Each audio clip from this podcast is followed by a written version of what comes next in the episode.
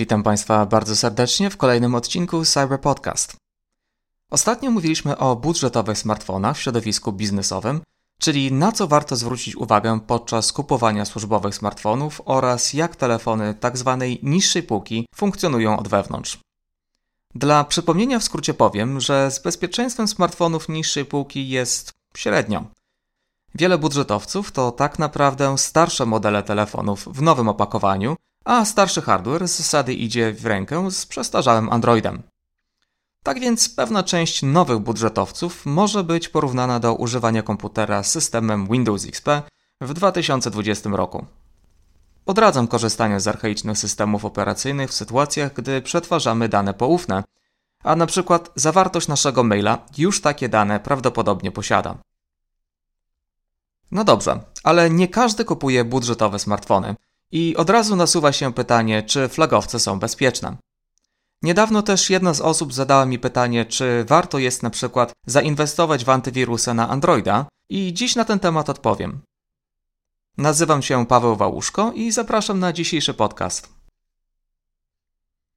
Zacznę może od plusów. Zaletą flagowców, bo tak telefony wyższej półki pozwoliłem sobie nazwać, jest sam fakt, że za bezpieczeństwem systemu stoi reputacja producenta. Zwięźle mówiąc, jeżeli produkt byłby rażąco wadliwy pod względem bezpieczeństwa, ucierpiałaby marka. Przecież pamiętamy, jaką opinię miał Windows jeszcze kilka lat temu i Apple zarobiło miliony, jeżeli nie powiedzieć miliardy na opinii, że komputery Mac są lepiej zabezpieczone. W 2007 roku nawet pojawiły się reklamy, w których zakatarzony mężczyzna przedstawiający się jako PC żalił się do drugiego, że dopadły go wirusy. Ten drugi, przedstawiający się jako Mac, naturalnie był na wszystkie odporny. Ale tyle o PC-tach, wróćmy do smartfonów. Czy smartfon jest stary czy nowy? Sposób w jaki malware, czyli złośliwe oprogramowanie, dostaje się do wewnątrz jest dokładnie taki sam. Nieświadomy użytkownik pobiera aplikację i tutaj uwaga zaznaczam, nawet z Google Play i startuje taką aplikację na swoim urządzeniu. Aplikacja naturalnie prosi użytkownika o dostęp do różnego rodzaju zasobów, takich jak rejestr połączeń, wgląd do maila, dostęp do danych, a użytkownik klika domyślnie OK, aby jak najszybciej skorzystać z funkcjonalności aplikacji. W 99% nic się nie wydarzy, ale w tym 1% może znajdować się linia kodu, która otworzy backdoor, czyli furtkę do naszego urządzenia. Później jest tylko Armageddon, ponieważ przeciętny smartfon to kopalnie wiedzy o użytkowniku. Na jednym urządzeniu bardzo często łączymy życie prywatne ze służbowym, gromadząc maile, zapisując hasła do licznych usług lub robiąc zdjęcia wewnątrz naszego mieszkania lub hali produkcyjnej. Przy odpowiedniej furtce uruchomienie mikrofonu lub aparatu jest również możliwe, co tworzy z tych urządzeń idealne narzędzie do szpiegowania lub wykradania informacji. A przecież smartfon zawsze bierzemy ze sobą. Google natomiast wszystkiemu nie podoła.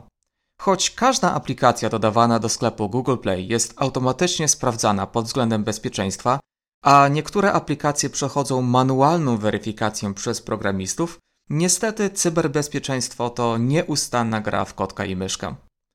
Jak tylko inżynierowie Google znajdą problematyczny kod, nazwijmy go exploitem, ktoś napisze drugi i tak dookoła. Więc jak zabezpieczyć swoje urządzenia mobilne i czy warto zainwestować w antywirusa? Powiem tak. Najlepszym zabezpieczeniem jest sama wiedza i świadome korzystanie z technologii. System Android tak naprawdę jest wariantem Linuxa przystosowanym do ekranów dotykowych. Sam w sobie system jest dość bezpieczny i śmiem powiedzieć odporny na zewnętrzne wirusy. Otóż w przeciwieństwie do systemów operacyjnych takich jak Windows, Przypadkowa instalacja złośliwego oprogramowania na Androidzie jest naprawdę utrudniona. Nawet po ściągnięciu programu z internetu, przypadkowo, aplikacja od razu się nie zainstaluje. Musi odpalić ją użytkownik, klikając w ściągnięty plik. Nawet wtedy instalacja zostanie automatycznie zablokowana, ponieważ domyślnie Android blokuje instalację spoza sklepu Google Play. Nawet gdy wyłączymy tę opcję, włączy się Google Play Protect, czyli oprogramowanie skanujące aplikację i zechce sprawdzić nasz pobrany program. Tylko po tych wszystkich sprawdzianach dojdzie do instalacji, po której Android jeszcze raz zapyta, czy dać dostęp do danych.